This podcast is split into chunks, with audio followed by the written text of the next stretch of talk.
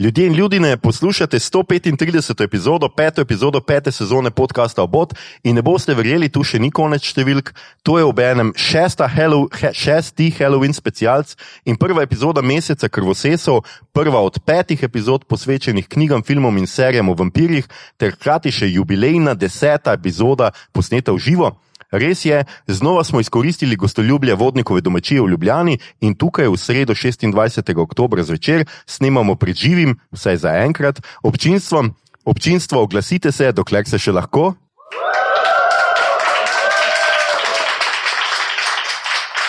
Snemamo torej podcast, v katerem za vas gledamo, spremljamo, beremo, preizkušamo in poslušamo serije filme, risanke, špile in knjige vseh žanrov, od F do Z, obot, okrvavljen bodež, odmerjen Drakuli, smo, tako kot skoraj vedno, Mito Gigič, okay.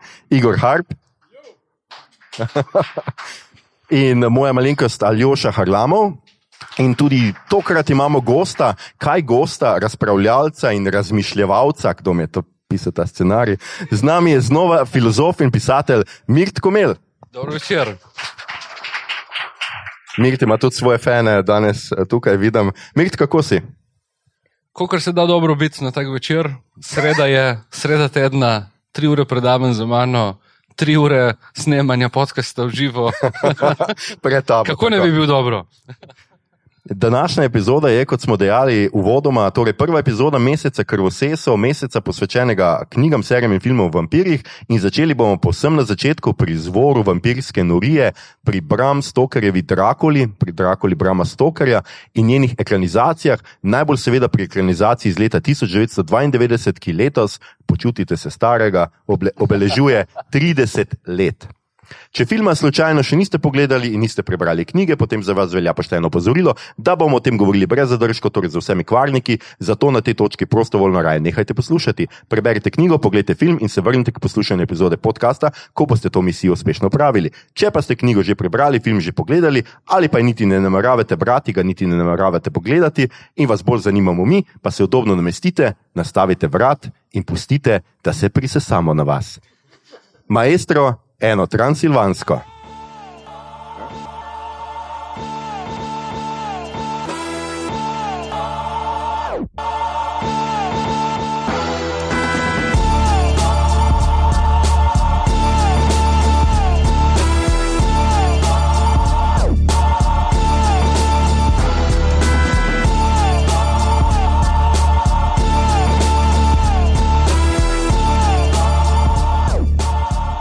Zdaj ste že slišali, videli, da jaz znam zelo hitro govoriti in to bom tudi več čas danes počel, ker bi radi se mal prebili skozi vso faktografijo, ki je tukaj pred nami.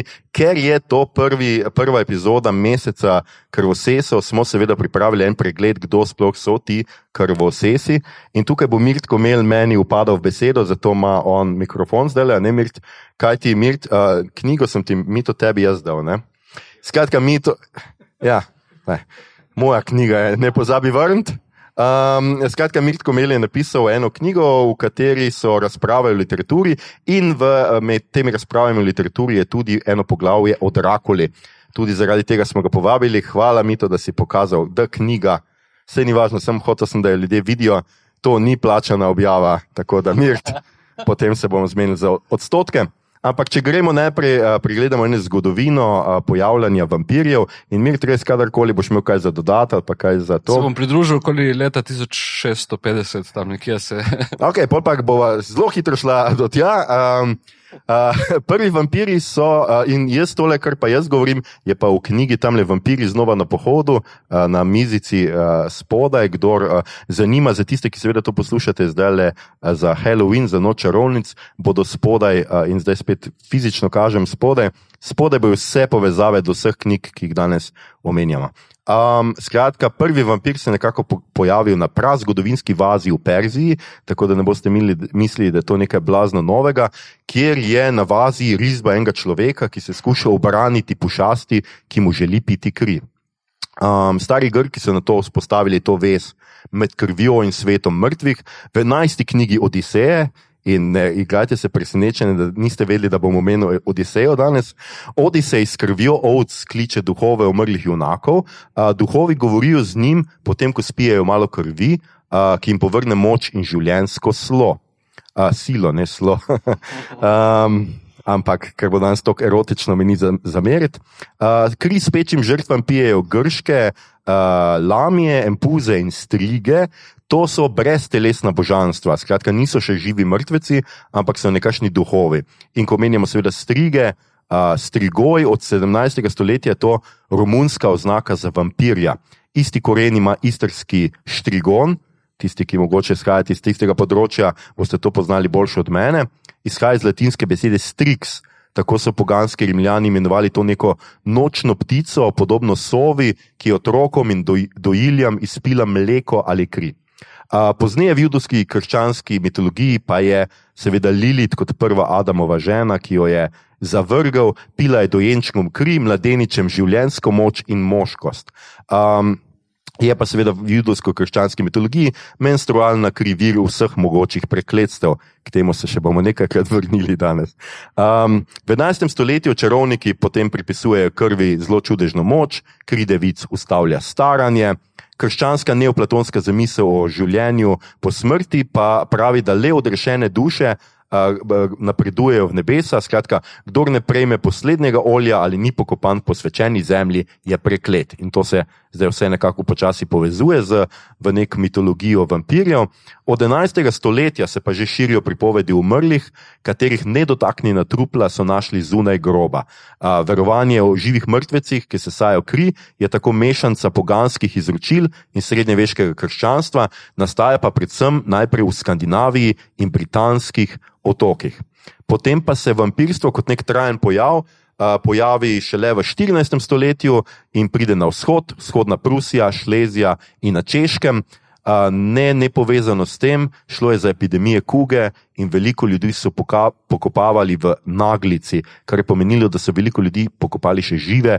In ko so se ti, seveda, skušali prebiti ven iz krste, so nastajali kakšni zvoki, ljudje so odprli um, krste in jih našli še žive, in tudi od tega se je skratka uh, uh, širil glas, da gre za vampirje prvi taka znana stvar je pa uh, leta 1440 proces proti Žilu Deraju. Jaz upam, da sem to približno prav povedal. Uh, Huisman je napisal roman tam spodaj in tega žila oklical za vampirja.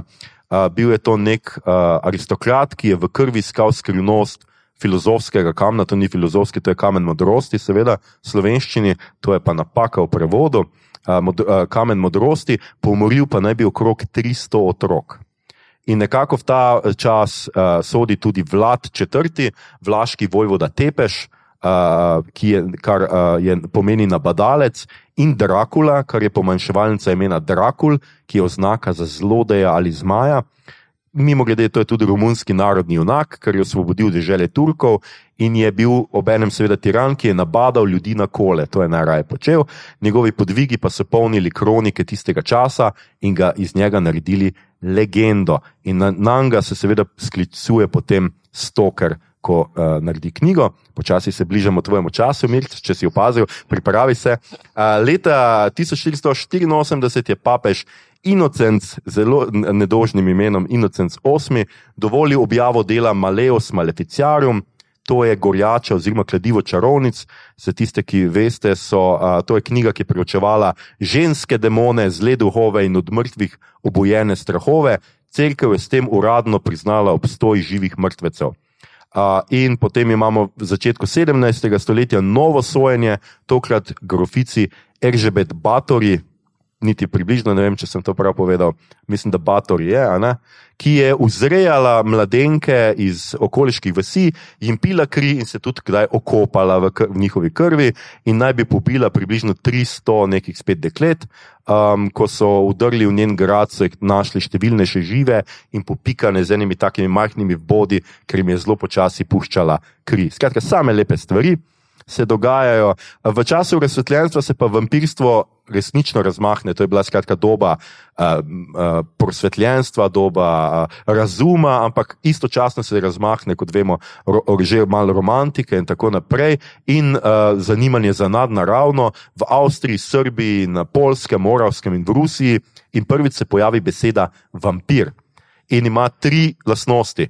Vampir je duh, ki je vstal od mrtvih, iz groba vstane po noči, da pije kri živih in tako podaljšuje svoje posmrtno življenje, in njegove žrtve same postanejo vampirji. To so nekako tri lastnosti, ki se pojavijo takrat in tvorijo neko osnovo vampirizma. Popkultura pa je potem dodala, da nima odseva ali celosence, da ima volk od lakove čekane. Originalni vampir namreč se sakri skozi pore. Kako mu to rata, jaz ne vem.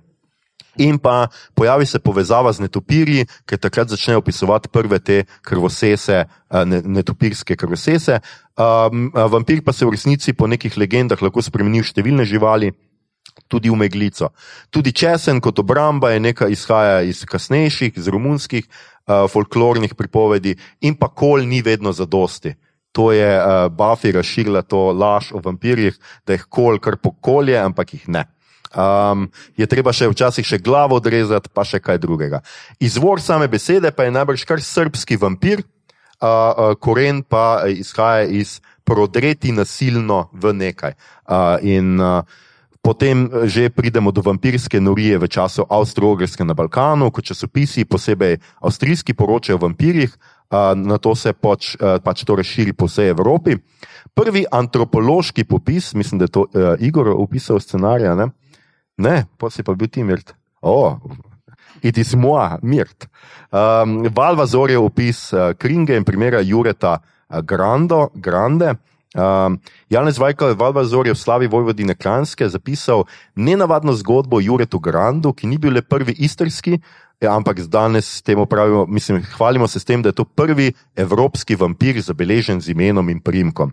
Uh, Valvazor je zgodbo iz Kringe, se to reče Kringe ali Crn Krinč. Okay. Kringe objavil v Nemčiji, v Nürnbergu leta 1689.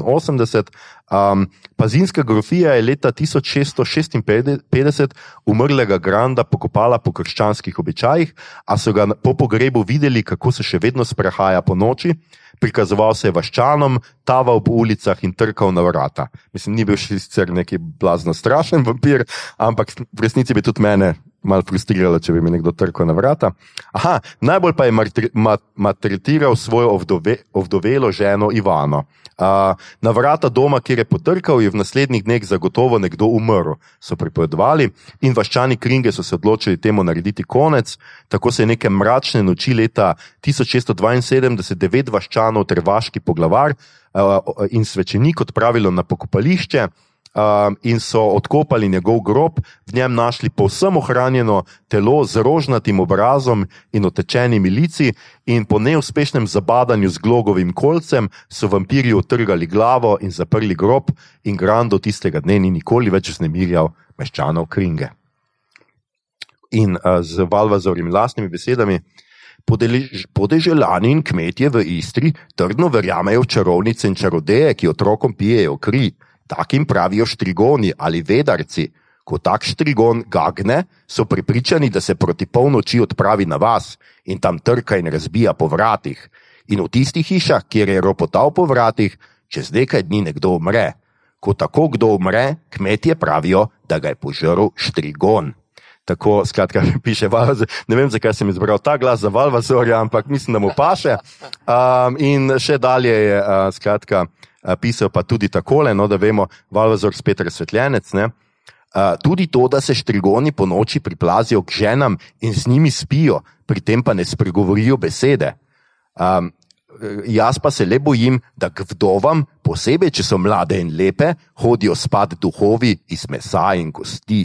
Skratka, naš Valvazor ni najbolj zaupal vsem tem legendam o o vampirjih in je se mu je skratka zdelo, da. Čeprav, čeprav na koncu tega razdelka, no, ko Valvesor to popisuje, ne zaključi ta del o Juretu Grandu, zaključi z besedami.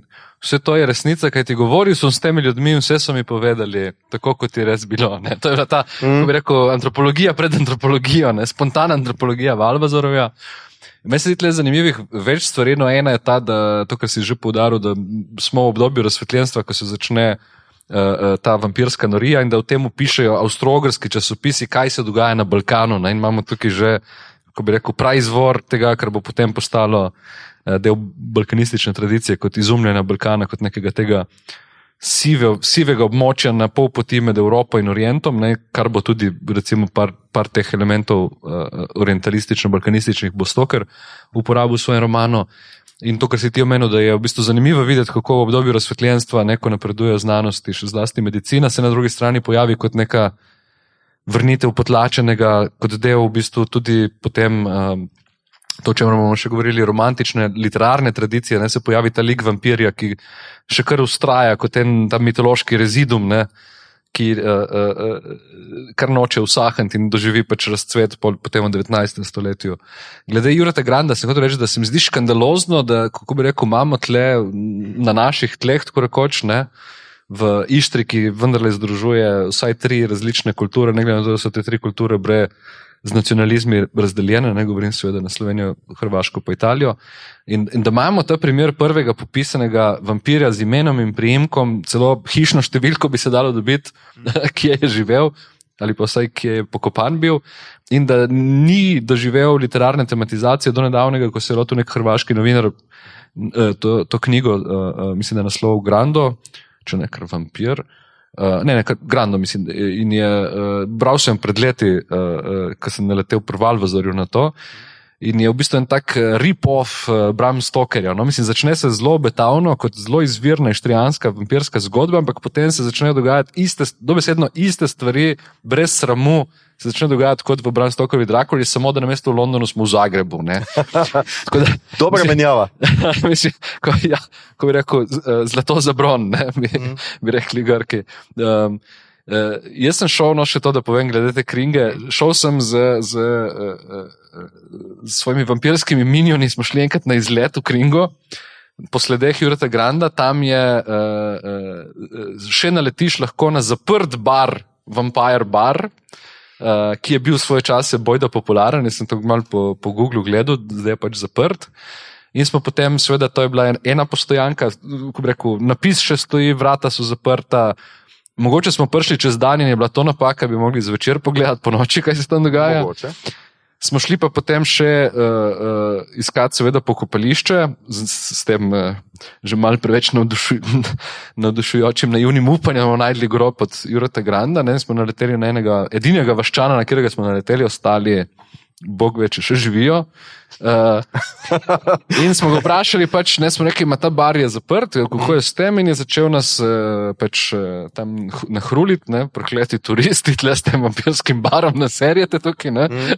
In pa, mi smo se upravičili in tako naprej. In pa smo vprašali, tako, pa, izvinite, gospod, nam lahko pokažete vsaj, kje je pokopališče, ne se nas poslal samo v tri. Smo šli na pokopališče groba, ni najt, no, tako, ampak še vedno je zanimivo je iti jaz, ko pa vidiš to vzdušje, ki je porodilo te storije, mm. o katerih potem piše Valvasor in dejansko še vedno deluje ta kringa kot, kot ta zamaknjena vas, kjer se pač vsi moški izberejo, mislim, da jih je v tej zgodbi 10-12 plus nek iz sosednje vasi, Tako. gozdar, uh -huh. Sekiro. Ne? Mislim, imamo ta, tudi ne samo prvega vampira z imenom Primka, ampak tudi prvo grupo Vampire Hunterjev tlele. Tako, ja. Uh, Štrijanskih klenih fantov, z imenom spet. Ja. Z imenom Primki vsi našteti po vrsti. Uh -huh. uh, no, to sem hotel sem še gledati. Ja. No, super. Uh, ste vidva še hotela karkoli dodati o vampirjih, o loru, vsem skupaj? Ne, sej. Aha, Igor, ja, pove. Uh, ja, tisto z Bathorjevo mm. je bilo kasneje, dost, uh, da to mogoče ni bilo čist res, vse, kar bi naj počela, da pač uspešna, uh, bogata ženska je šla ljudem v nos. Um, je pa Julie Delpi tudi naredila mm. en uh, face dolgočasen film o tem, uh, z njo v vlogi Bathorjeve. Uh, mislim, da sem spal poleg malo. ja. Skratka, in zdaj počasi gremo skratka, proti romanu, ker bomo lahko že malo več rekli. Tukaj je zdaj le mito najbolj sveže, bral uh, slovenski prevod uh, romana. Uh, roman uh, Brama Stoker je šel leta 1897 in je nekako. Um, Rojstvo legende o Drakuli in pravzaprav utemeljil vampirje, opisal vampirje in približno takšne kot takšnega Drakula, kot ono piše, zdaj imamo, skratka, te Drakule in vampirje v, v pop kulturi. Zlasti angliška romantika je namreč kazala živo zanimanje za nadnaravno, vampirstvo je bilo v poeziji simbol smrtonosne strasti, kazal se je ta sadomazohistični odnos med obema partnerjema, zato tudi ni nenavaden ne ta prehod od somraka v 50 odtenkov. Um, lik Fem Fatal se je zelo pogosto vampirka skratka, prikazovala, zlasti Bodlerju. Recimo, Uh, enega prvih romanov o vampiru je začel pisati Byron, uh, Bajev po neki stavi ali nekaj takega, skratka, bi moral napisati roman o vampirju, pa ga potem ni nikoli končal, je pa o njem pripovedoval svojemu osebnemu zdravniku, ki ga ni maral. To je važen podatek za nadaljevanje. Johnu Williamu Polidorju, ki je napisal uh, roman The Vampire leta 1819 in Lorda Rustvena uh, ki je aristokrat, zapeljivec, gospodar, je nekako zelo podoben Byronu. Potem so ta roman kar pripisali Byronu in z njim osvojili celo Evropo in spodbudili številne posnemovalce. Ra, uh, drobna korekcija, samo ja. realnosti. To, to je se zgodilo v famozni vili Diodati na Ženevskem jezeru, kjer so se zbrala ta druščina. Uh -huh. uh, uh, uh, Shelley, pa soprog, pa Byron in Byron si je po izgonu, pobegu iz Anglije, vozil sabo tega polidorja, osebnega zdravnika, ker je pač imel vse sorte uh, težav. No? In v tej vili je zasnoval Byron, da bi pisal ta roman o vampiru, je pa to potem prepustil uh, polidorju, ki napiše kratko zgodbo. Aha, kratka zgodba. Kratka zgodba. Je pomembno, ker je to v bistvu uh, uh, prva. Literarizacija, prva literarno delo, kratka zgodba, vampir z Y, pisan, mm. ki napiše Polidori in vzame Byrona to, za model tega Lorda Rudvena. In je tudi, če bereš to, ne se dogaja, začne se v Grči, pa potem v Londonu. Mislim, cel Dracula roman je tukaj v miniaturki že v bistvu vsebovan in tudi v liku Dracula lahko vidimo, da je v bistvu bolj kot da bi nadaljeval neko literarno tradicijo, da bi v bistvu nadaljeval res to tradicijo tega aristokratskega mm. vampirja, ne? kar je bilo takrat pravzaprav uh, uh, uh, v Byronovem času razumljivo, kako je Byron bil ena ta figura, eden izmed prvih, kako bi rekel, zelo glasnih teh uh, uh, medijskih zvezd, bi rekli danes po celi Evropi. Pač, mm. uh, uh, tako kot je ena izmed njegovih uh, ljubic dejala, mad, bad and dangerous to know. Ne? In mm. ta mad, bad and dangerous to know je potem bila znaka, ki je veljala tudi za vse like. Moških vampirjev, ne? ženske vampirke imajo pa pač paralelno in malo drugačno karakteristiko, to, kar si uh, opisal. Uh, poprej. Uh -huh. uh, res je, ja, skratka, to, kar je sicer treba mu uh, absolutno priznati, pozneje zelo veliko raziskoval. On se je vrnil k nekakšnemu začetku teh legend, poznal enega profesorja orientalskih jezikov iz Budimpešte, ki mu je vse razložil in je šel brati vse te neke izvire in potem naredil eno res tako zanimivo, romantični, nek gotski roman, uh, napisal, ki ga je napisal večinoma preko pisem. Zdaj, ne vem, koliko od vas je kadarkoli bralo Drakula, ampak Drakula je uh, precej, uh, ni skratka. Jaz rekel, da bi zdaj tisti, ki bere Drakula, seveda takoj pričakujejo, da bo not klanje, da bo kri, ne vem kaj, ampak to je zelo tak lep, romantičen, ljubezenski roman. Ki se dogaja večinoma v, v pismih. Mi tudi si ga pred kratkim uh, prebiral, tako da mogoče boš ti povedal kaj o njem. Imaš slovenski prevod dan s sabo. V bistvu, um, filmi, mogoče zelo dobro, eni filmi bolj povzamejo roman kot drugi, ne, ampak mogoče Bren Stoker od Kopola še se najbolj približa samemu feelingu, pa zgodbi, koliko tega gre. Tako da, kar, bi, kar se zgodbe tiče, ni niti nekaj novega za izumljati ali pa zapovedati. Nekaj super, kar je pri tem romanu, je prav ta struktura tega dnevniškega zapisa, ki ima eno posebno moč, nek poseben čar, ki te potegne full dobro noter, se meni zdi. Ne? Da, v bistvu, bolj kot ima film to moč, ima ta roman to sposobnost, da te preko teh različnih pogledov, perspektiv, pa včasih tudi nezanesljivosti različnih likov, da te potegne noter v čisto eno neko seksi, zanimivo strukturo. Ne? Še posebej tam nekje na sredi. 250, 300 strani, nekaj tasga, ko se pa zgodba malo začne bolj akcijsko obračati v Carfaxu, pa v umobolnici, takrat se pa celota struktura zelo, vse meni, zanimivo razgali. To, to, to bi mogoče najbolj izpostavil pri tem mm. romanu. K, ti nosto spremljaš ta pisma, pa datume, pa se križajo, pa ponavljajo, oziroma podvajajo, včasih v bistvu dopolnjujejo in tako naprej. Pa pride do tega sestanka v umobolnici, kjer se pa nekakšna metafikcija noter spostavi, kjer pa Van Helsing reče, ok, zdaj smo vse pretipkali, zdaj smo vse skupaj sestavili, dajmo vse te vaše dnevnike, ki ste jih vi vsi tukaj pisali, skupaj na mizo in naredimo plan. In imaš full dober feeling, kot da si postal del zgodbe, kot da si dejansko na tistem sestanku in je pač nek magic se zgodil. No. Pač pri tem romanu najbolj cenim. No. Um, Ta, ta moment sem, ho- hotel tudi jaz nasloviti, prav, prav to, ko združijo vse zapiske. Ne? Ker po eni strani eh, ful je bizarna letnica no, za roman v pismih, ne? konc 19. stoletja, ne samo za, za, to, za, za formo, ampak tudi za vsebino. ne. Bram Stoker tako rekoč eh, eh, s- skoči na vlak, ki je že davno mimo. Ne? Ta gotski roman je že v izteku, romani v pismih so že davno izteku, uh, bili so pač v modi, ne vem, v Goethevem času, ne? njegov Werther recimo pisan kot roman v pismih. Ni- nihče več ni pisal, niti tako, niti ni pisal takih vsebin, vampiri so bili že out- outdatani, recimo Cveten Dodorov tudi uh, uh, v svoji pač zdaj že po moje klasični analizi literature fantastičnega pokaže, da v bistvu je življenjska doba literature fantastičnega, vključno s predzogovskim romanom, tesno zvezana z in obratno sorazmerna z usponom znanstvenega pozitivizma in da bolj ko napreduje, če je to njegova teza, ne? bolj ko napreduje znanost, manj je vraževira in seveda manj je tudi želje po tovrstni literaturi, ampak ravno stoker ne? in potem vse nadaljevanje žanrov, ki se rodijo v 20. stoletju, postavijo to tezo pod vprašaj, kar je najmanj, kar treba reči, da je zanimivo. Uh, uh, in se bomo verjetno pri filmu še vrnili, za- zakaj je še vedno tako zanimivo in, in uh, intrigantno, da se potem kar vrsti, še vedno tudi literatura fantastičnega nasploh in subžanr vampirjev še posebej, ampak prav na to temo, ki si jo ti mito omenil, sem hotel samo še to reči, da je, je eh, to je njegova res uh, uh, avtorska subverzija tega romana v pismih, da Uh, uh, dobro, tam je neka delitev dela, ne moški se pač upravljajo, brusijo nože, polnijo šibruke in tako naprej. Mina Harker je tista, ki pretipka potem za moško druščino vsa, vsa pisma in uh, zapise in časopisne članke v eno enoto in tam si priča, mislim, da je del tega čara, da si kot priča nastanku tega romana, ki Ja, ga zdaj ja, bereš ja. kot roman v pismih.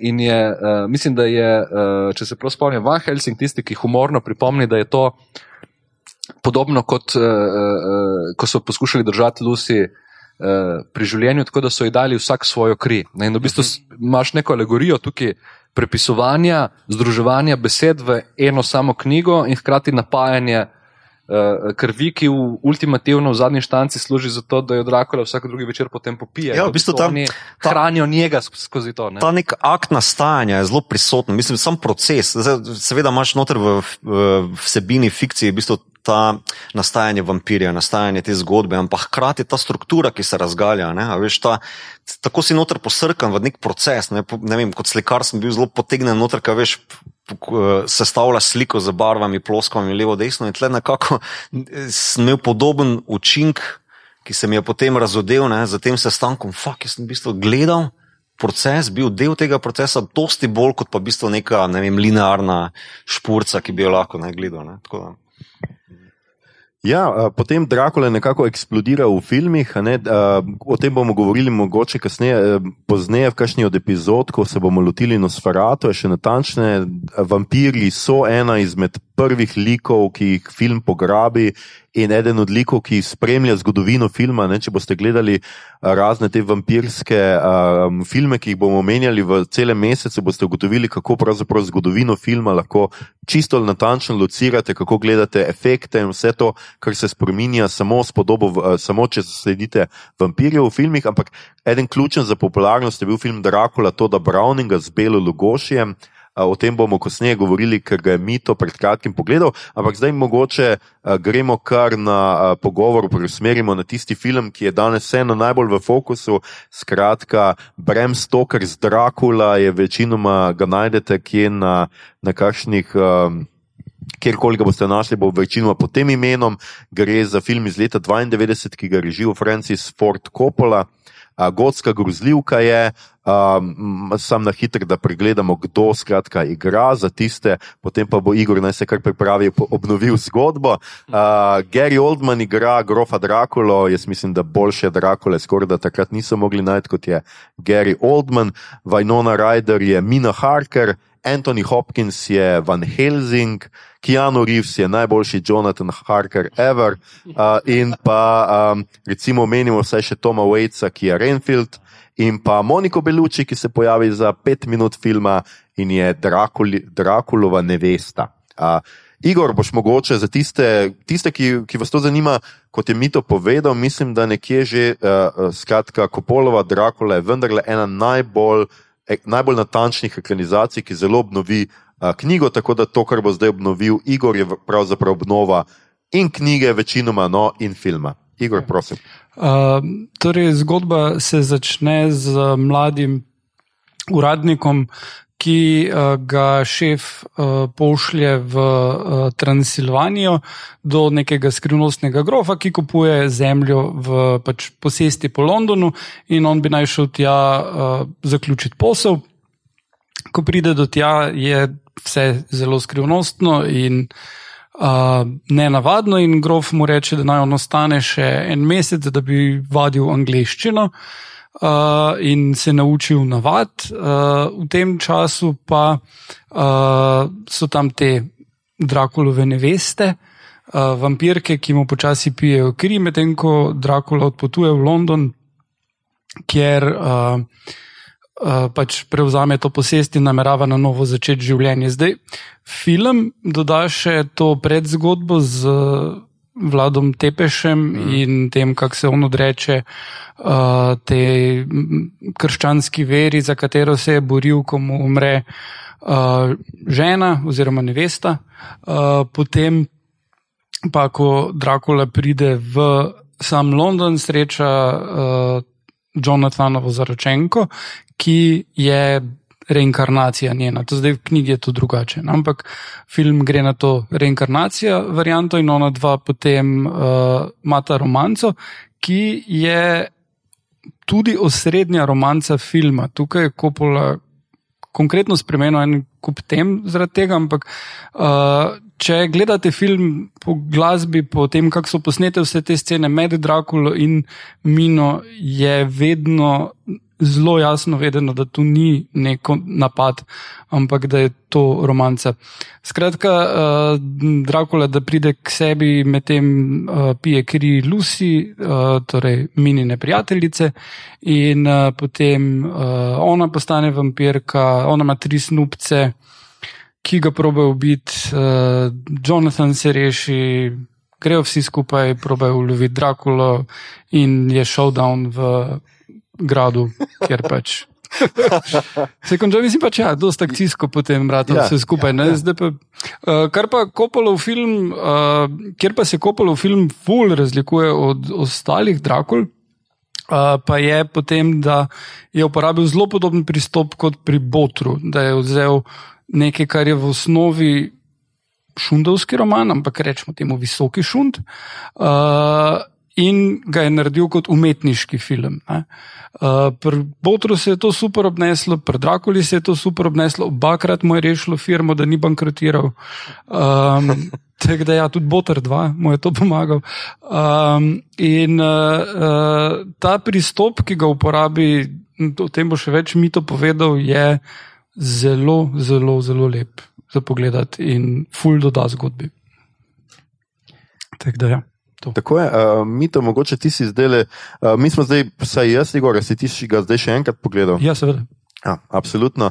Uh, to je definitivno film, ki, ki ga je vredno pogledati še enkrat. Jaz moram priznati, da mi je vedno bil v lepem spominu, ampak včeraj sem bil pa tako navdušen, da, se, da je dobil pet zvezdic na Letterboxdu, moj mislim, da tretji film, ki je dobil toliko uh, zvezdic, ker je res briljanten film to, kar si zdaj Igor malo nakazal ali pa povedal, je treba seveda reči, da Kopala vse to naredi namerno. On se igra z različnimi filmskimi tehnikami, a, kar bo mi to seveda več znal boljš povedati kot jaz.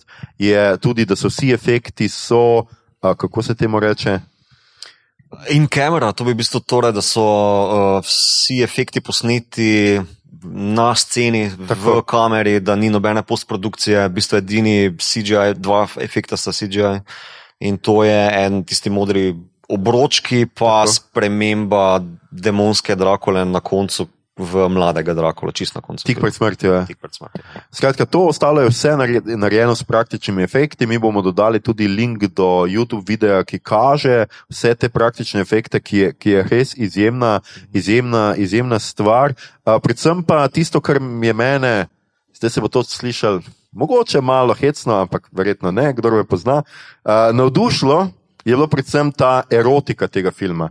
To je film, ki je izrazito pač pokaže, to eno drugo plat, mir bo mogoče več kaj povedal o kapitalistični, antikapitalistični interpretaciji Drakole, ampak meni je tukaj sjajno, kako je ta vampir, vampirska odnos do te mine prikazan izredno erotično in kako imamo mi a, to zgodbo, ki je meni a, osnovna zgodba uh, Stokerjeve Drakole, oziroma osno, vsaj osnovna zgodba Kopolove, interpretacije Stokerjeve Drakole, je zgodba o tem, kako ženska Mina Harke, ki je zelo strastna, zelo strastna ženska, ima tam enega pač, uh, našega Keanu Rivsa, ne, ki je mal bolj tako en lolek, no ne vem kaj ne rečem, točno pač en tak visok, ampak bledoličen in zelo zadržan fant. No. Ona je pa strastna ženska, tako imamo tisti prizor, uh, ona ga zvleče, da se gre sta poljubljati, ker je on pač, kot sem rekel, malo loleka. In uh, pozneje, ko pa pride pač Drakole, pa to v resnici zgodba, kjer ženska na mestu enega mladega fantiča, neizkušenega v ljubezni, spozna enega odraslega, starejšega moškega, uh, to se vse na robe sliši, ko jaz to govorim, uh, ki seveda pokaže, da je pač, uh, da ni da je erotika lahko nekaj lepega in sjajnega, mi ne smej se. Uh, so... Vse vem, da je ful starejši od nje, pa da mogoče se ne spodobi najbolj, ampak v tej neki simbolični, recimo, če simbolno to pogledamo, pač in se pač jo privlači. In jaz mislim, da je to izredno lepo prikazano v filmu, kako pač ta ženska, neka erotična sla, moške popolnoma zbega, jih zmoti, ne vejo, kaj bi s tem počeli, ker se tudi ona, njena prijateljica, ki se premetava po tisti posteli, se kako že, ko on pride noter, je samo, oh moj bog, oh moj bog. Uh -huh. A, kaj že reče? Oh, moj bog, what are you doing to Lucy? He's trying to save her life. Dear God. Um.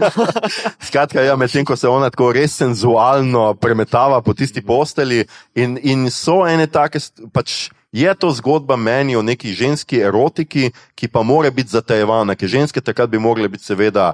Uh, pridne, vase potegne, bi mogli čakati moškega, da pride do njih, da jih zaroči in vse to naprej. Niso one same mogle še v resnici izbirati v viktorijanski Britaniji, zdaj govorimo o času nastanka romana. Ja, v, v tem kontrastu je roman v bistvu dosti bolj zadržan. Ne? Tam je. Um...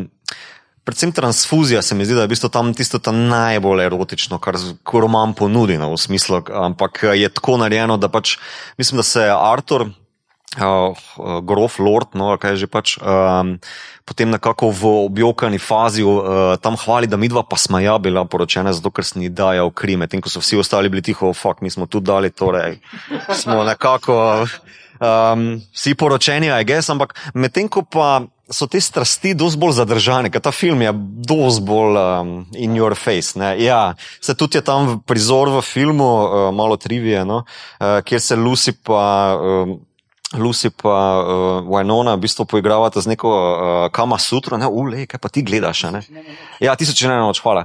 Uh, no, skratka, ta filma je zginila iz uh, uh, filmskega prizorišča, ne potem, to je pač neki missing article, ampak tudi film sam nastavi že s to knjigo, ne, tisoč ena noč, pa potem neke ilustracije tam noter, da pač ja, mi se bomo pošli tole, ne. In je bo v bistvu neka, tako kot si rekel, dosti bolj nahajpana erotična zgodba, kot pa sam roman vse za moje pojme no ponudi, no.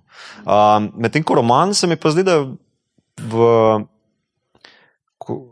v kontrastu s filmom nekako postavi Mina pa Johna ne, a, kot neka enakovredna partnerja. Ona dva se pogovarjata, da bo ta skupaj firmo začela, skupaj life, ona bo njemu pomagala zapisovati, zato se ona uči tipkanja, uh, obvlada posel, obvlada stenografijo, predpisuje vse te dnevnike, vsi jo oren hvalijo za njeno inteligenco, pa pridnost in tako naprej.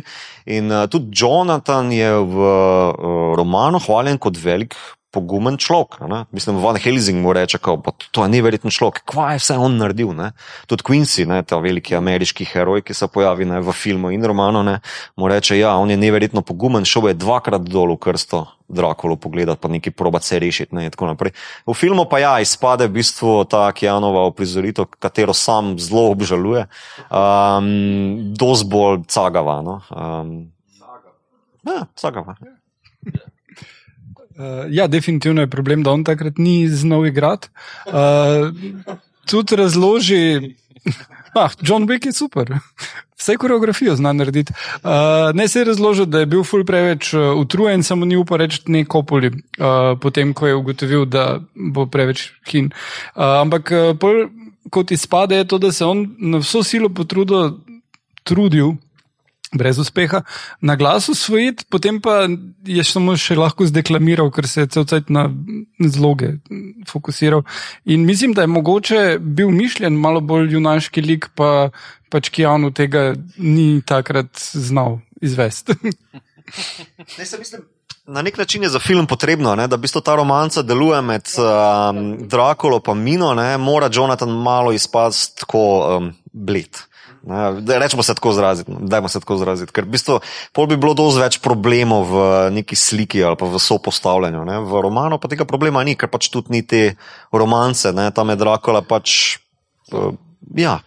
No, ampak vendar ima neko agendo, ne? ta sem hotel ta moment, recimo, temu uh, uh, uh, razrednega boja v Drakuli. Mm -hmm. in, in še enkrat bi ponovil, da to je roman z konca 19. stoletja, se pravi, ko se zgodijo marsikaj še v Evropi in kar. Uh, stokrat tako ali drugače inkorporira v roman. Ne. Eno je pač ta tradicija, ki velja lahko kot splošno znaka za vso vampirsko literaturo, od uh, Polidorevega vampirja do Drakule in to je to, da v bistvu. Recimo za razliko že od Jureta Granda in poprejšnjih uh, primerov in tradicij, ki si jo uh, uh, Aljoša poprej povzel, lahko vidimo, da na neki točki postane z Byronom, šele postane uh, figura, vampir, figura aristokrata. Ne? In postane tudi v literaturi, romantični literaturi, postane to figura aristokracije, ki noče umreti kljub svojemu historičnemu porazu s francosko revolucijo. Ker vendarle aristokracija je ustrajala še celo 19. stoletje in 20. stoletje in kot smo v pomagi septembra gledali, ustraja še vedno, ne? kljub svojemu zgodovinskemu političnemu porazu. Ne? In drugi moment, ki ga inkorporira, uh, ker je pač, no, Drakula pač v romanu je dosti bolj, da njegova aristokratskost je podarjena tudi, ko pride v London. Se, v filmu je tudi lepo to prikazano, ko gre in se čudi nad moderno tehnologijo, ko gre v kino, recimo, ne tako meta, tekstualna lepa referenca uh, in tako naprej. Ampak ta, uh, ta drugi moment, ki se mi zdi bolj zanimiv in tudi pri uh, tistih nekaj pač interpretacij, ki sem jih prebiral, um, ker sem se bolj intenzivno ukvarjal s to knjigo.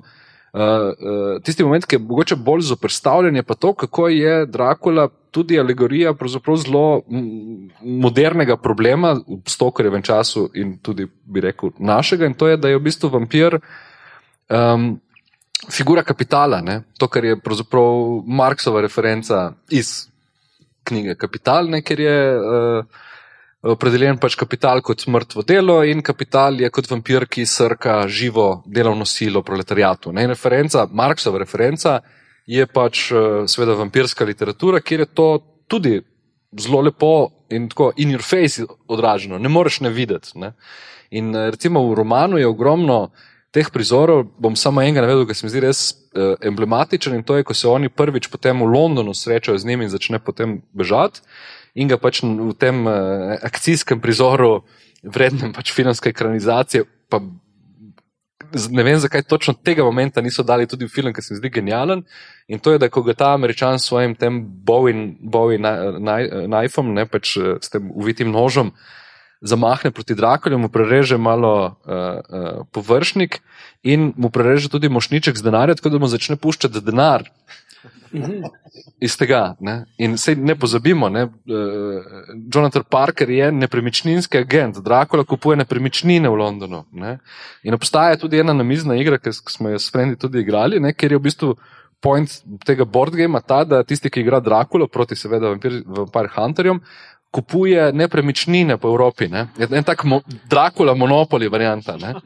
Reč, obstaja neko paralelno branje Dracula, ki je enako zanimivo kot to historično-politično, ali pa tudi ta, recimo, bolj ta e, e, erotično-seksualni moment, ki so ga potem, kaj zvem, psihoanaliza je dosti pisala o tem, pa interpretirala, ne pač vprašanje vseh seksualnih anksioznosti viktorijanske dobe, ki izhajajo potem iz tega vampirizma od eksplicitno pač sadomazohističnih praks na eni strani, na drugi strani vprašanje tudi transfuzij, bolezni, ki se prenašajo preko transfuzij, etc. etc. Mislim, tle je bilo zgoščeno, veliko anksioznosti je bilo zgoščeno v Drakuli. Ne? Ja, to se mi zdi nasploh fantastično, ker je um, tak primer poligon za različne interpretacije in to je ne nazadnje tisto, kar pač najraje gledamo, najraje pač o tem tuhtamo. Ne? Jaz sem hotel samo, zdaj še zadnjič sem vrgel na to erotiko, potem bomo o tem nehali, bomo tudi drugih stvari govorili, ampak hotel sem samo še dva.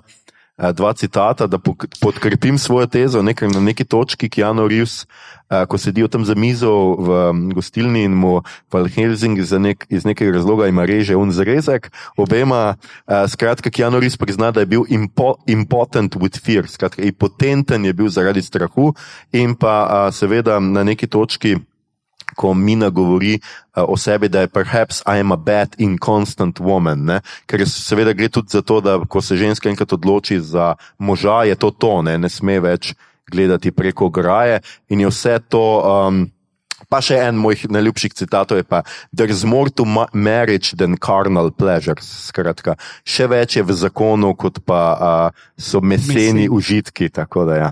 um, No, uh, lahko gremo spet še k drugim interpretacijam, ampak tisto, kar mogoče. Um, kar je meni najbolj zanimivo, je vendarle, kako je ta film narejen, kako je posnet. In posnet je genialno. Ne?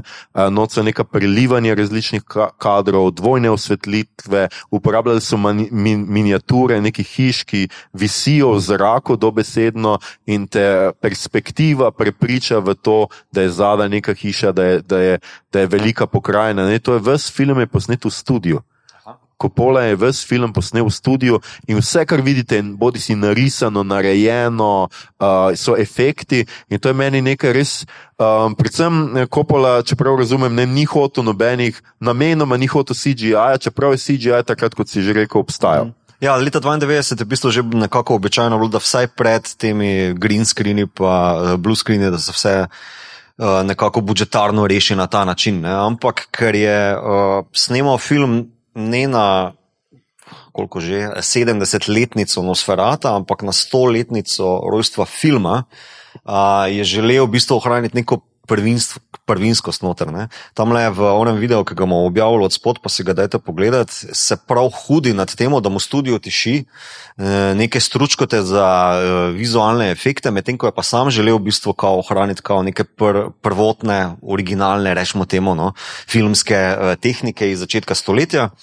Uh, in je potem svojega sina najel, ne, da je v bistvu mu pomagal. Ne. Njegov sin je bil zelo neizkušen in se potem naučil zelo na hitre telefone, ki so bile uporabljene v filmu.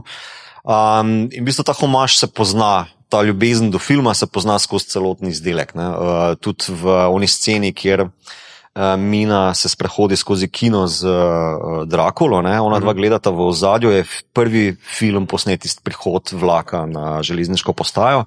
Uh, Tiste tudi zelo spolno nabita scena, ne? z onim belim vokcem, pa one rokavice na dlaki, pa no, muska vse skupaj naprej. Tako da v bistvu je kot nek. Ja, ja to, ampak se mi zdi, da v bistvu nekako kopola tu občuje s filmom. Ne, veš, je tako, nekak, to, to je moja interpretacija do tega. Medtem ko vsa, vse ostale filmske tehnike so pa bile zelo fino narejene in v bistvu jih danes kar malo pogrešaš. Uh, ne pozabimo, film je dobil tri Oscare, tudi na tehničnih področjih, ne kostumografija, uh, zvočni efekti, pa še ena stvar. Ja, maska. Maska, ja, hvala. Um, tako da v bistvu se poznajo, bistvu zelo dobro se je postaral, ne, te zadeve ne zginejo, ker tako ta tekstura je zelo prisotna. Ne, in v bistvu film je zraven odlične postavitve, pa kadriranja, pa, pa predvsem obarv, ne, je zelo, zelo ok za teh 30 let, koliko jih zdaj že ima na grbi. Um, ja, uh, če se še jaz lahko vrnem k erotičnosti um, uh, in puritanskosti. Ne? Zdaj, um, puritanci, viktorijanci niso bili puritanci, viktorijanci so bili ljudje, ki so kiknili puritance ven iz države in to so postali američani. Ne? In ne glede na to, koliko seksi filme je delal Coppola in zdaj tu mislim seksi na. Čez celoten spektr uh, filmske umetnosti. Uh, tista scena z tremi nevestami uh, je bilo v scenariju, da morajo biti te tri neveste gole. Ne? Ampak, ker je Kopola bil puritanc, jim ni upal reči, naj se one grejo zdaj sleč tukaj in je naročil svojemu neizkušenemu sinu, naj on to naredi. In on je pač tudi bil preveč puritanca in je šel nekomu drugemu uh, od ekipe reči, naj onim trem puncam da ja, reče, ne si sleč. Na koncu so nekoga najeli, če prav razumem. Ja, ja. Mislim, prav, uh, to, to kaže še v bistvu roman ima, je nabit s tole viktorijansko zadržanostjo ne, in, mm. in frustracijami, potem pa so še puritanci znali to potencirati pri tem, kako so ga posneli. Ne. Tudi Vajnona je, je, je povedala, da medtem ko se ona premetava v unej sceni na posteli, je v, v resnici Gary Oldman stal za posteljo in je šepetal razne stvari, ki jih nikoli ni hotela ponoviti. Um, tako da sem to, da veste, kako so se vživeli uh, v, v te stvari. Mi to nekaj si še hočemo povedati. Ja, ne, mogoče sem samo še hotel dodati, kakšen meni. Meni je en uh, zelo ljubih efektov, je naprimer kot Jonathan uh, bere na vlaku, ker je v bistvu takšen simple but stupid uh, efekt. Um, Nasploh ta izmed ne vem kolikih Drakula filmov, ki se lotevajo romana, ker drugače lik Drakula se pojavlja za šalo v skoraj ne vem kolikih filmih, ne? ampak uh, ta je skoraj en izmed redkih, ki celo noter pokaže uh, branje, pa pisanje dnevnikov in tako naprej. In to se vse uporablja potem za prikaz tega, ne? Uh, neke projekcije.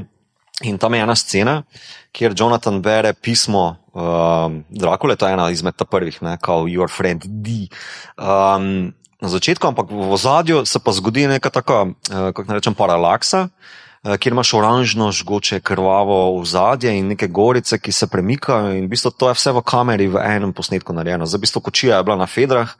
Um, ki Anu Riv špila, koliko pač zmore. Um, uh, ampak od zadaj se pa pojavijo potem kar naenkrat na uh, zadju uh, oči Drakule. Ampak to so naredili na ta način, da so skratka posneli najprej oranžno ozadje, pa potem neke gore, torej šablone gor in so to premikali full hitro, pa kamero v kontre smeri uh, šibala. Ne?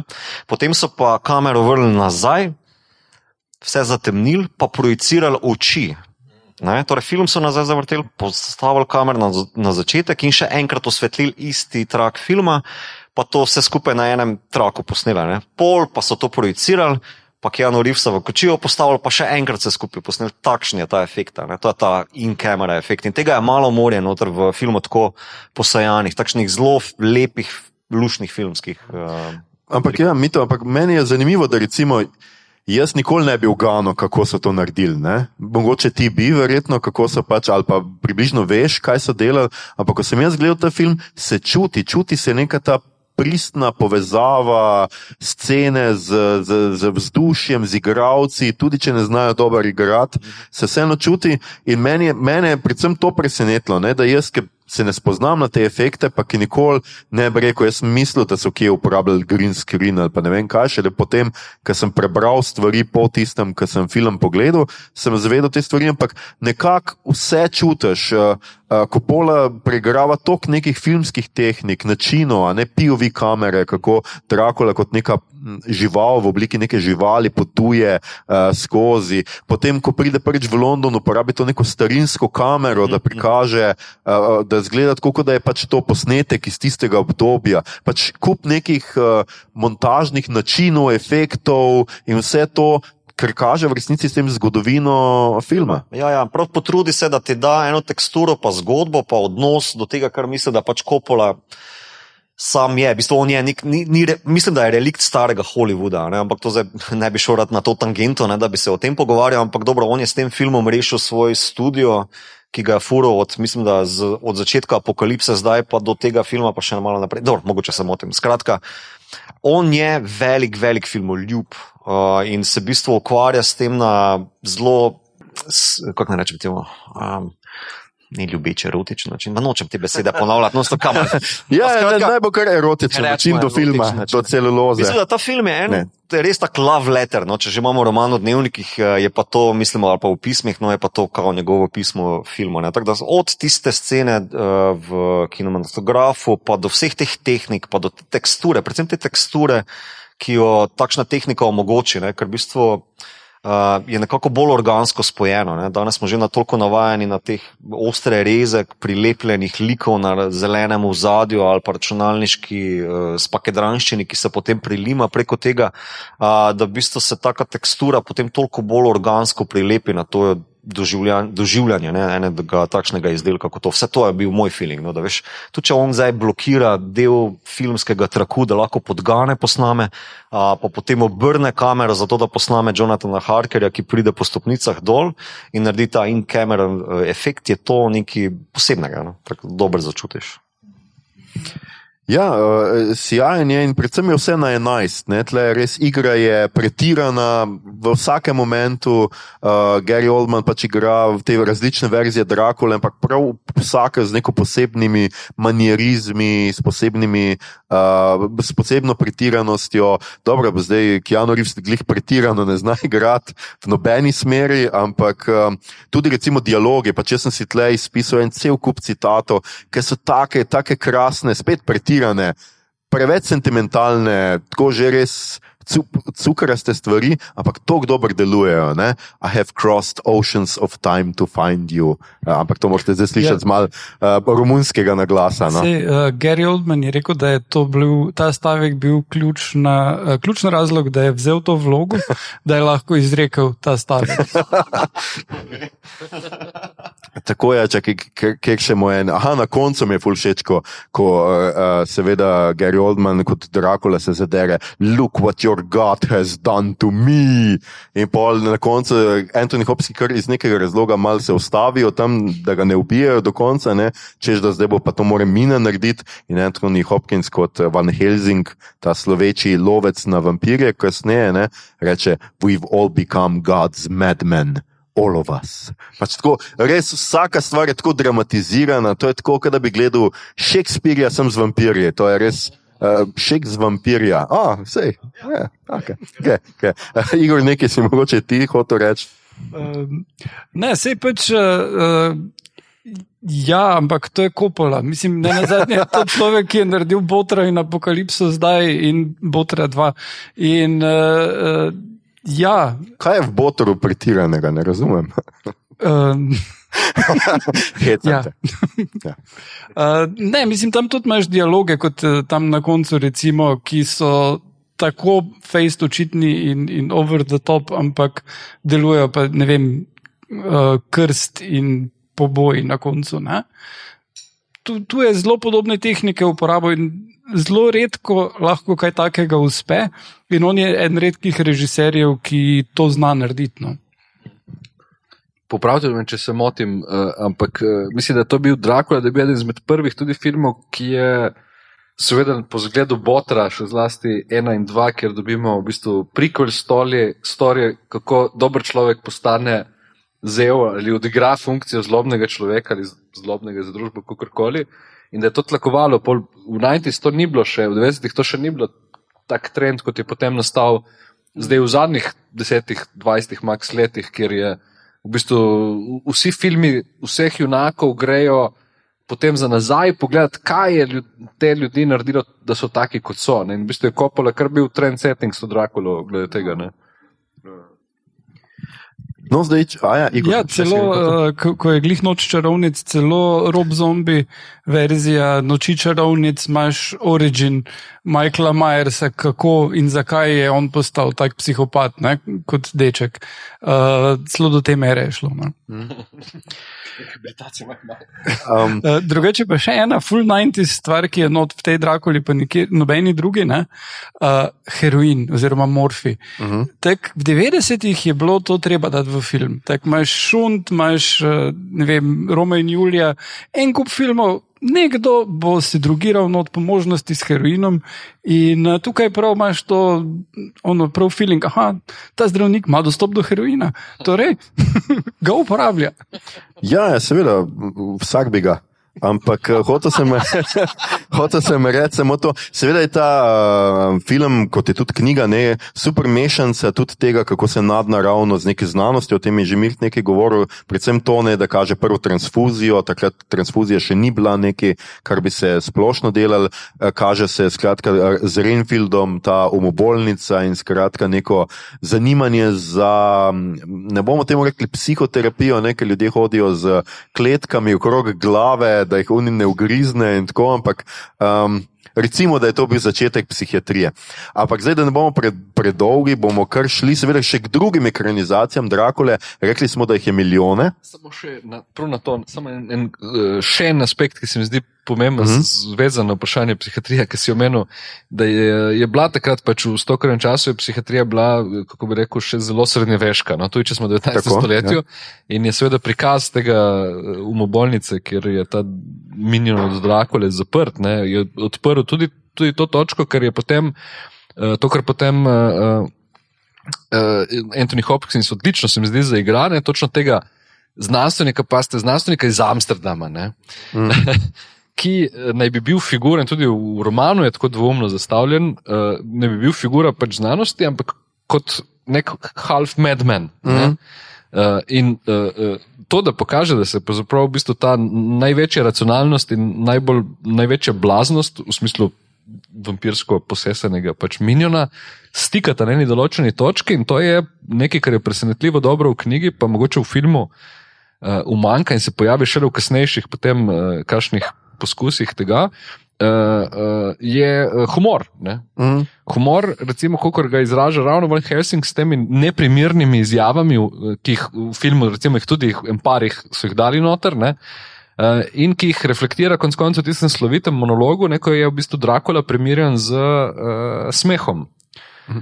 Da Dracula vstopi enako nepovabljeno, ne, to je eden izmed ključnih kršitev pravil žanra, ne, kot smeh enako oba vstopita v tvoje telo, ne povabljena in, in morata pač biti, in, uh, mora biti tako, ker drugače ta smeh ni pristan. In enako za Drakulo velja, ne, da ga ne moreš ti povabiti noter, da je, kako bi rekel, pravi vampirski ugriz uh, izsiljen. Ne. In da ta mhm. moment v bistvu nasilja. Tukaj je ključen to, kar ravno film se mi zdi, da s to romanticizacijo malo neutralizira, da kako bi rekel, malo mučekane po brusi, no? da lahko malo bolj topi, kot so mogoče v uh, romanu. Ne? In da se potem uh, ta King Loffer, ne, se potem kaže tudi v določenih parodijah Drakule, od tiste z Leslie Nilsonom do uh, te zadnje, uh, mislim, da je bila britanska, ne ta v seriji. Uh, ja. Uh, BBC. Ja, tega, ja, ja. Tako je.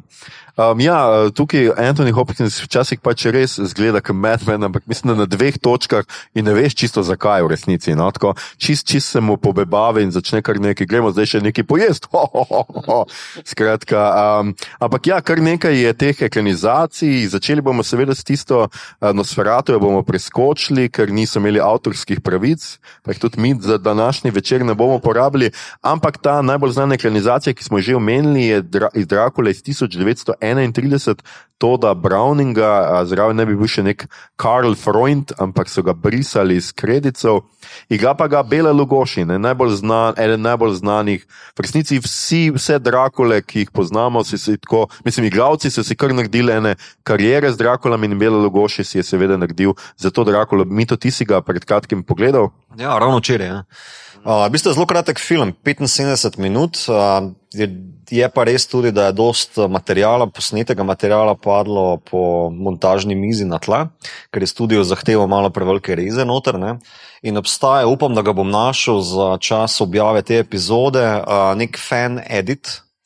Uh, ki so se dokopali do snemalne knjige uh, režiserja in so poskušali rekonstruirati, uh, kaj bi bilo posneto.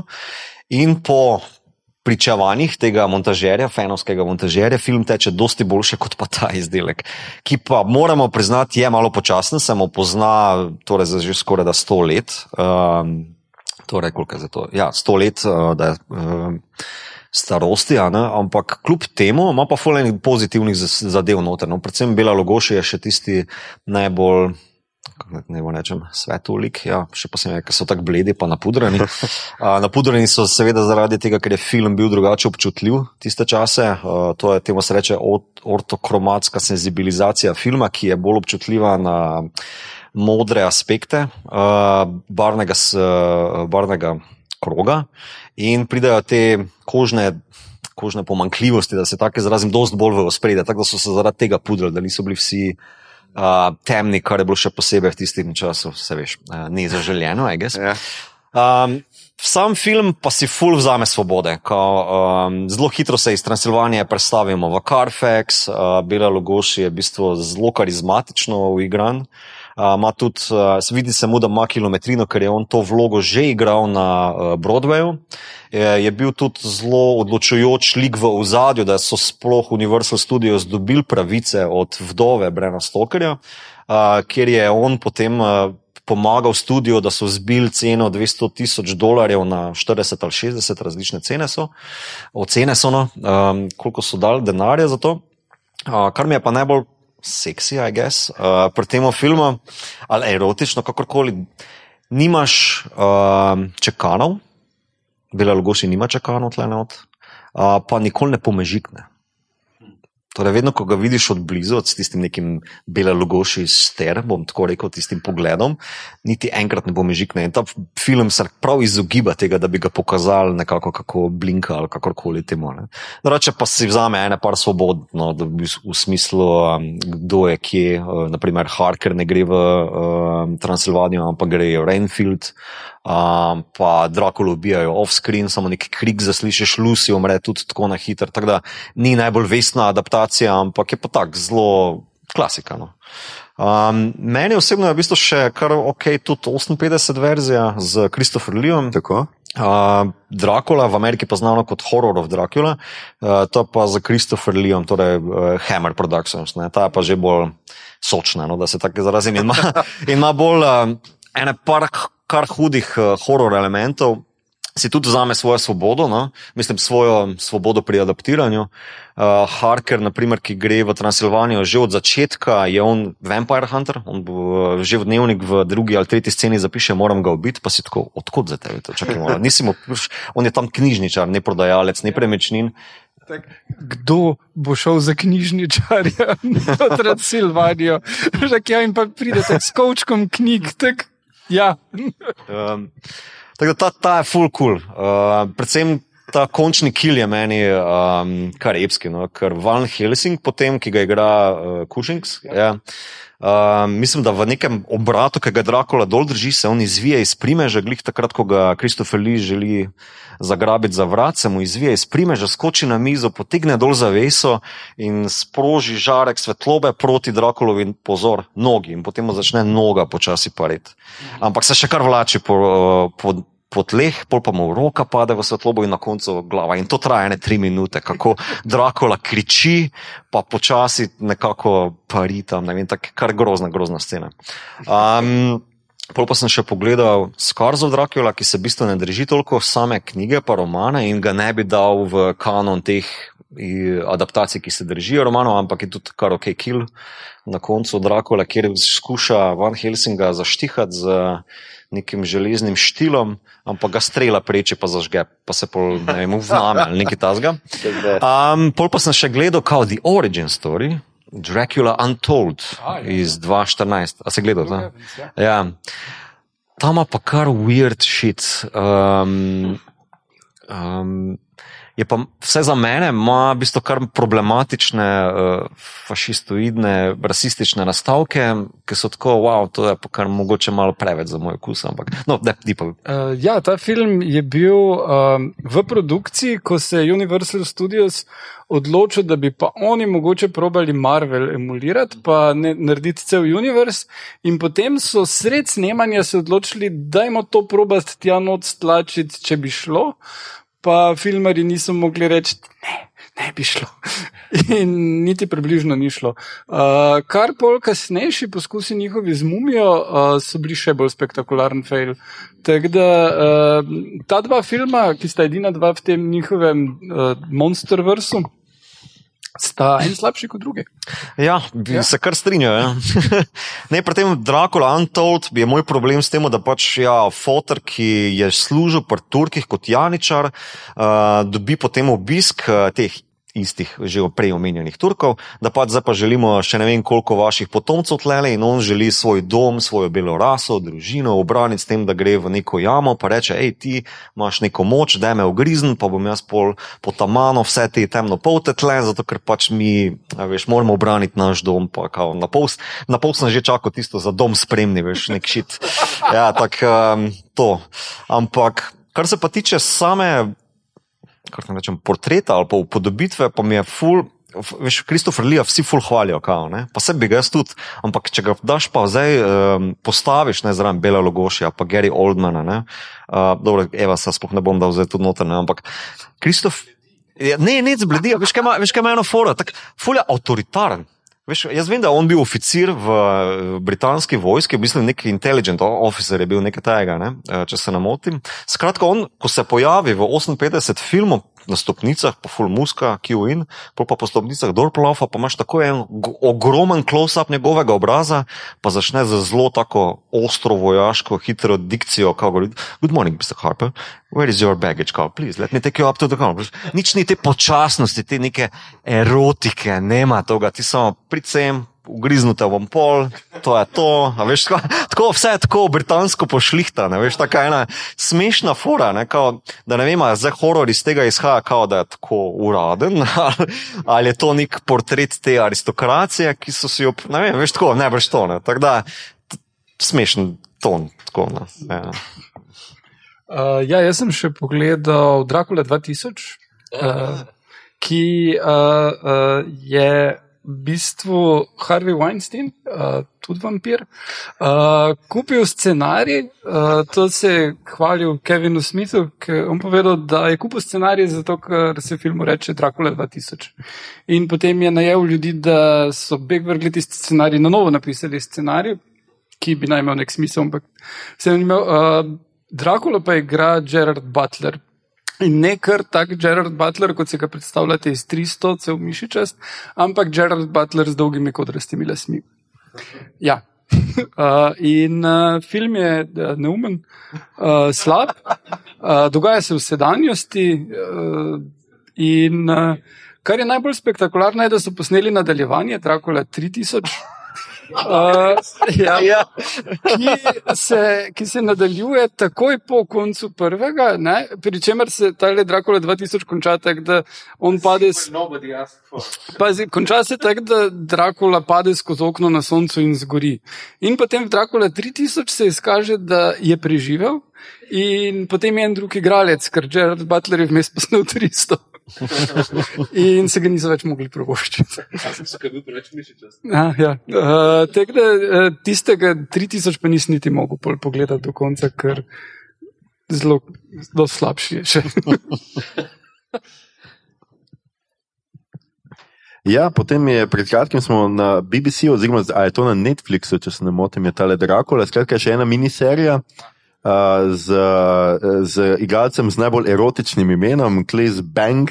Uh, igra pa drugače tudi uh, Morfit Clark, igra Mino, za tiste, ki ste poslušali zdaj že dve epizodi nazaj, uh, skratka našo uh, epizodo o uh, Rings of Power. Um, Tale, tega ste pa naredila, seveda, Mark Gettis in Steven Moffat, eh, človeka, ki sta delala različne dobre stvari pri BBC-u, od Sherlocka Holmesa eh, in tako naprej. Ampak nekako ta že začne tam, kjer se meni Sherlock Holmes njun konča zelo intelektualistična miniserija, ker se dogaja kup stvari v v, v glavi, nekak, neki psihološki zajebi si sledijo enim za drugim in ne veš več točno, kaj se dogaja. Hkrati pa je res vse skupaj ni niti mal grozno, niti mal seksi. Meni je bil še kar nadležen film, si ti, ti si ga gledal, mir, domnevam.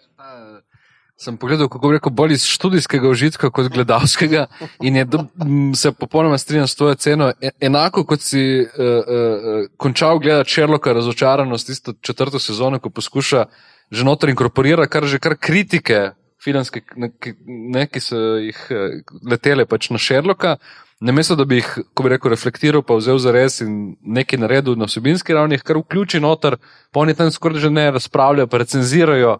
Sam, ko bi rekel, to veselje recenzira samega sebe in to, ko si to opasko, ki si dal, absolutno drži, da ta Dracula že začne tam. Ne? In uh, mogoče na začetku še ima, se ti zdi, da ima neke zanimive invencije, recimo, da kar nekaj začne nastopati, vedno bolj pride ta sestra Agata iz tega uh, uh, samostana, ki ozdravi Jonathan Harkerja, da se lahko vrne, začne dobivati kar večjo vlogo, da mogoče bo šlo v neko zanimivo smer, ampak potem, ko rata takat in pridejo potem v našo sodobnost in sedanjost, pa eh, popolnoma zabluzi in v resnici se niti ne spomnim, kako se konča, kaj, kaj od tam naprej gre zgodba, ker je, ker je preprosto ni. Ne, pač, eh, kako rekel, postmodernizem at its worst. No. A, tako nekako je, kar helikopteri se pripeljejo in nekaj stvari ne razumeš več, nekje si in nekdaj si. Ampak, uh, Mirt, ti si tudi, seveda, eh, te poznamo kot velikega navdušenca nad špili, igral si tudi uh, na videoigre, predvsem pa Castlevanijo, kot tudi anime, tudi tam je Dracula.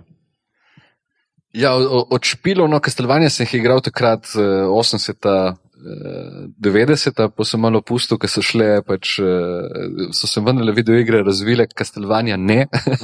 mislim, samo grafika se je razvila, ne tudi kot videoigra. Je bila pa tako, in še danes mislim, da je kar ena od najbolj legendarnih v bistvu videoigrskih uh, uh, uh, ekranizacij, da tako rečem, lika Drakole.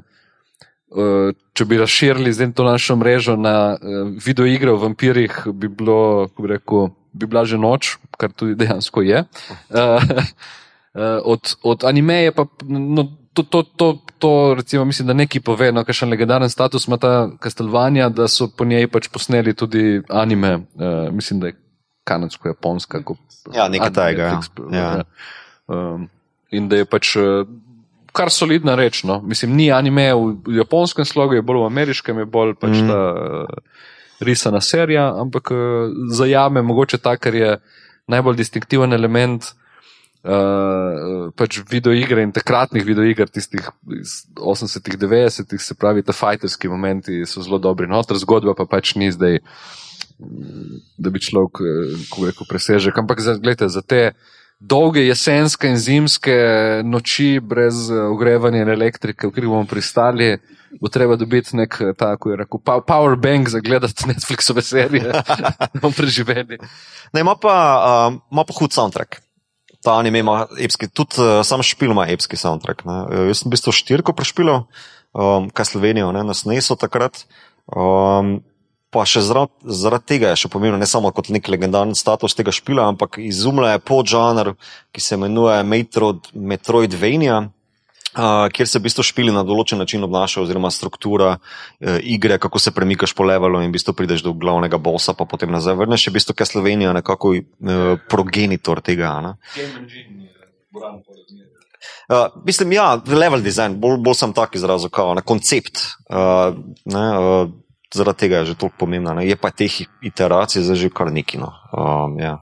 Predvsem 16-bitnih jih je bilo kar precej. tako Mm. Um, No, pole, jaz bi mogoče tle samo na vrhu Helsinga, skratka anime Helsing, pa Helsing Ultimate, kjer je tudi uh, imamo um, Drakulo, no, skratka tam noter je ta zelo zvita ideja, ne, da je pač narobe prebran in je Alucard, ne, ne, ni Drakula, ampak je Alucard, ga veš, če se imenuje. to je pa v bistvu sin Drakule. Ne?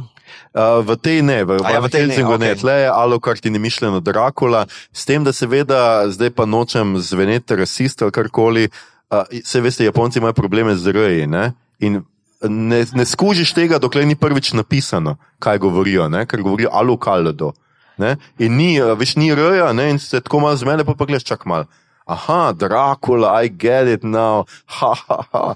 Skratka, kar še, še kar, kar mal problem to postane, no, s tem z nekim. eh, Z, ampak uh, mislim, da je Helsing Ultimate tista, ki je meni boljša, ker je full grafično nasilna. Pač to je res nekaj, ki križ šprica tako, da imaš več časa občutek, da moraš pod tuš, ko pogledaš kakšen del, ker res, tako da to se splača pogledati. In res zobovja imajo taka gromozanska, pol glave si na razne razčesnejo, razčesnejo, uh, da skratka ugriznejo nekoga, pa tudi tako ne pijejo krvi, ampak pravzaprav na pol žrejo meso že, no. Ja, ja. Ni, ni da tako, tako, ampak je samo.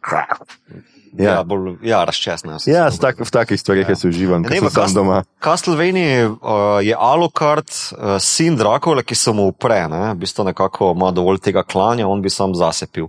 Um, in je v bistvu Alucard je kao obrnjen na Drakula, ne? torej Drakula prebrano nazaj in uh, Mhm. pač to sem hotel omeniti. Ja. Ja. Kako lepo. Njegovo nasprotje. Um, ja, uh, jaz mislim, da smo od Drakuli zaenkrat povedali kar dosti stvari, potem bomo pustili še za vprašanje Aha, publike. ampak- samo aha, eno stvar bi še omenil. Seveda boš uh, samo še eno stvar omenil. Uh, Ja, Mita? opasko, opasko. Tako? Um, v romanu ima Drakula brke. Mhm. Uh, nobena ekranizacija nima brkov, razen Frankova verzija iz 70-ih, ki je tako zelo, eh, malo čizi. Uh. A ja, ne, kosmatje, ja, kao, samo ta je bolj, ta je bolj tista neka povezava z njegovo vokodlakostjo in tako naprej. Ne, ne, prav brke, pa je sicer v Kopolovi verziji, ko je v Londonu mlajši, ima v bistvu nekaj, rečemo teme, puhno, brčice. Ja. Medtem ko Kristofer Liki pa igra v Frankovi verziji, uh, ta taka evropska produkcija, z, nisem je sicer gledal samo screenshote, sem videl, da oh, wow, to ne zgleda dobro. Ne. Že tako, Kristofer Lipol pa taki epski moštaci, tako prav do 7 dolarjev, veš, tak not good look.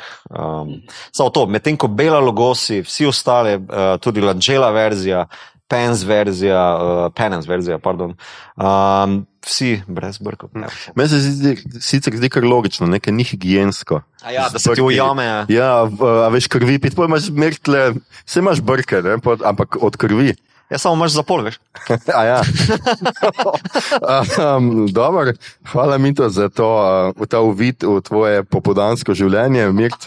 Sem se spomnil, mislim, da je iz enega Dylan Doga.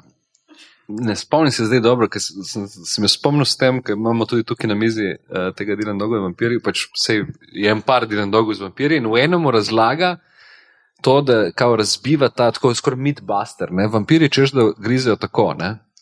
In tako je v vseh filmih pokazano, ampak v Dylan Dogu pa lepo razloži, da tako se ne da ugrizati žile. Ker boš vedno naletel na preveč eh, mesa vmes, in da vampiri v resnici grizijo s temi dvemi zobi. Tako, po, po dva, ščipajo od strani. Ne?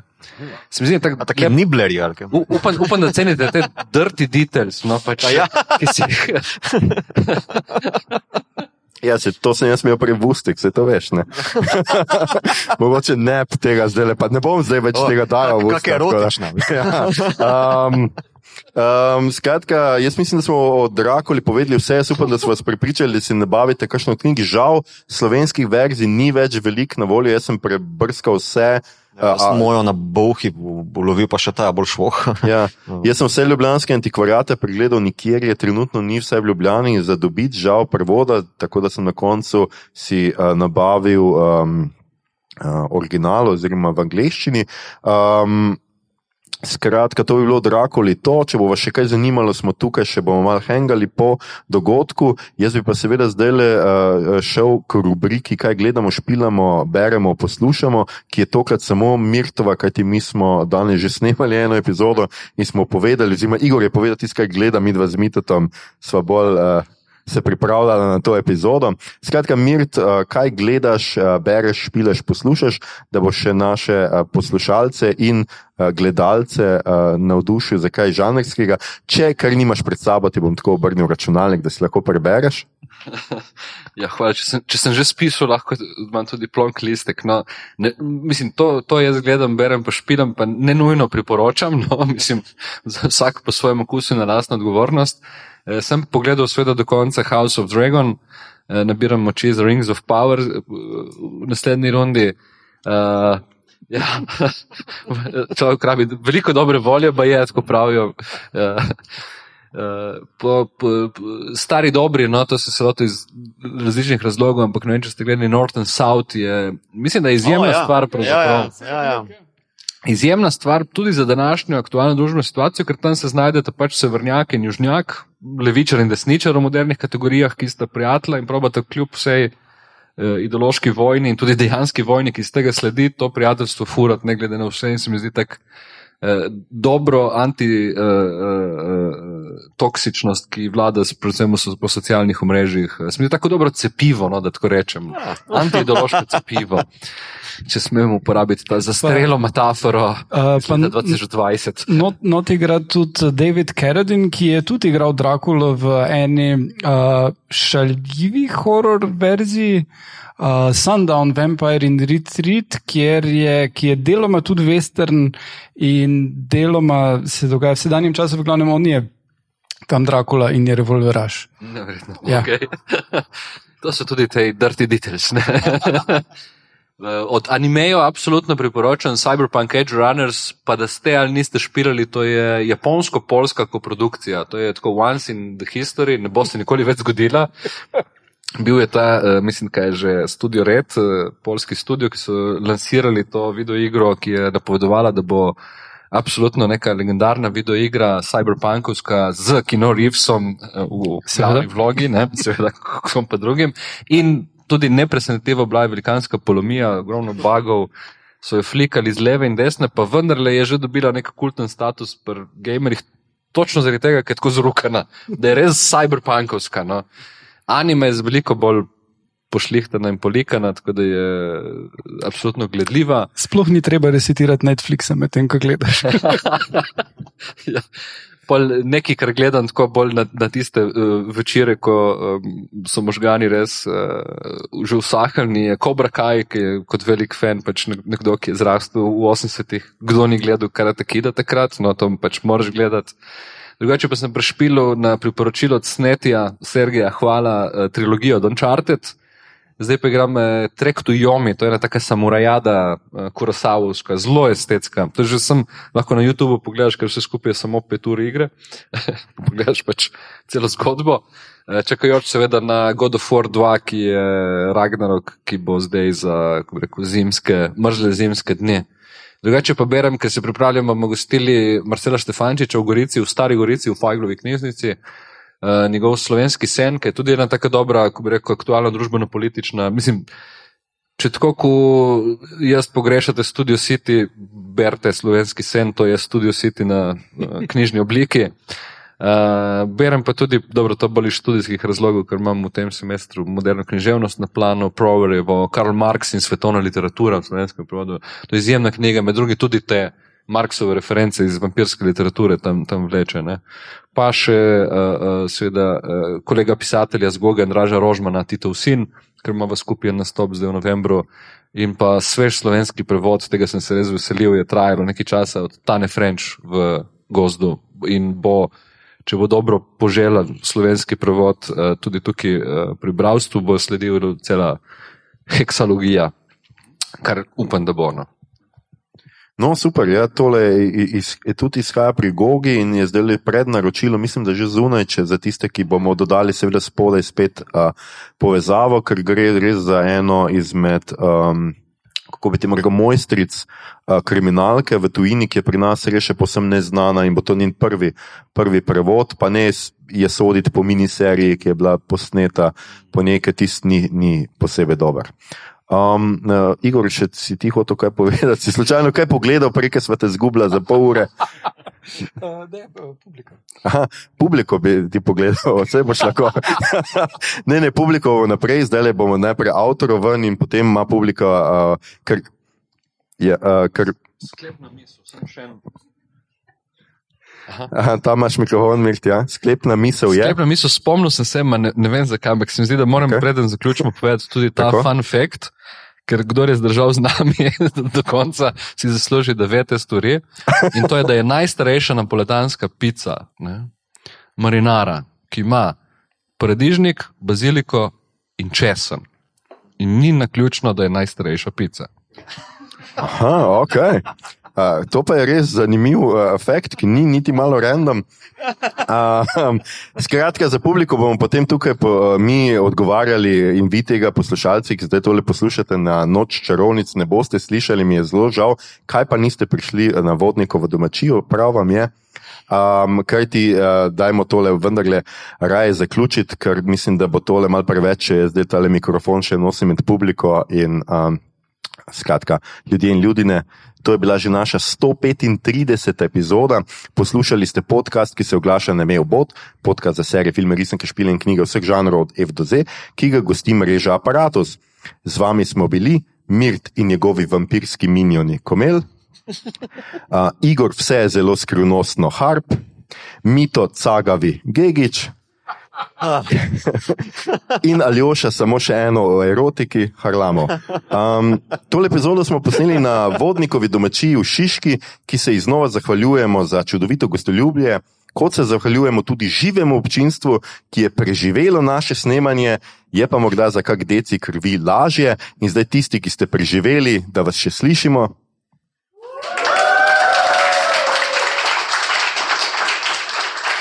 Ok, nekaj še je ostalo za povedek. Uh, če vam je bilo všeč, kar ste danes slišali, delite všečkajte naš podcast, naročite se nam preko vaše najljubše aplikacije oziroma ponudnika podkastov, dajte nam kakšno ceno na Apple Podcasts ali Spotify, spremljajte platformo aparatu z odličnim izborom podkastov za vsakega in če boste danes po noči težko spali, zjutraj pa se zbudili s kakšnim pikcem na vratu, se nikar ne vznemirjajte glede na vreme, kakršnega imamo, gre najverjetneje za komarje. Če pa bi slučajno na sebi opazili kakšne fizične spremembe, ki jih ne morete pripisati puberteti, odpor do česna, sonca, križev, žegnane vode in kolov, pa ste lahko samo veseli. Večno življenje pomeni, da se vam ni treba vznemirjati, če zamudite kakšno epizodo podcasta Obot. Ali pa ne uspete česa pravočasno pogledati ali prebrati, vse vas bo vse počakalo. Večno. Uh, na Twitterju nas najdete kot podcast obot, na Facebooku in Instagramu kot podcast SKM obot brez pikice vmes.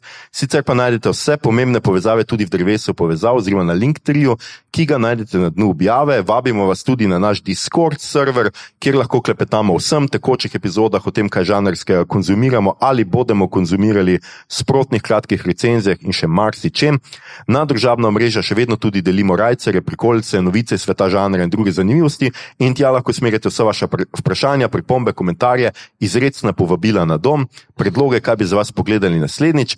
Tole je bila že 135. epizoda, dragi oboževalci in oboževalke. Naslednja epizoda meseca Krvosesov bo najbrž posvečena izvirnemu filmskemu Drakuli, to je na Sferatoju. To smo glih prej rekli, da mogoče ne bo star scenarij, se upravičujem.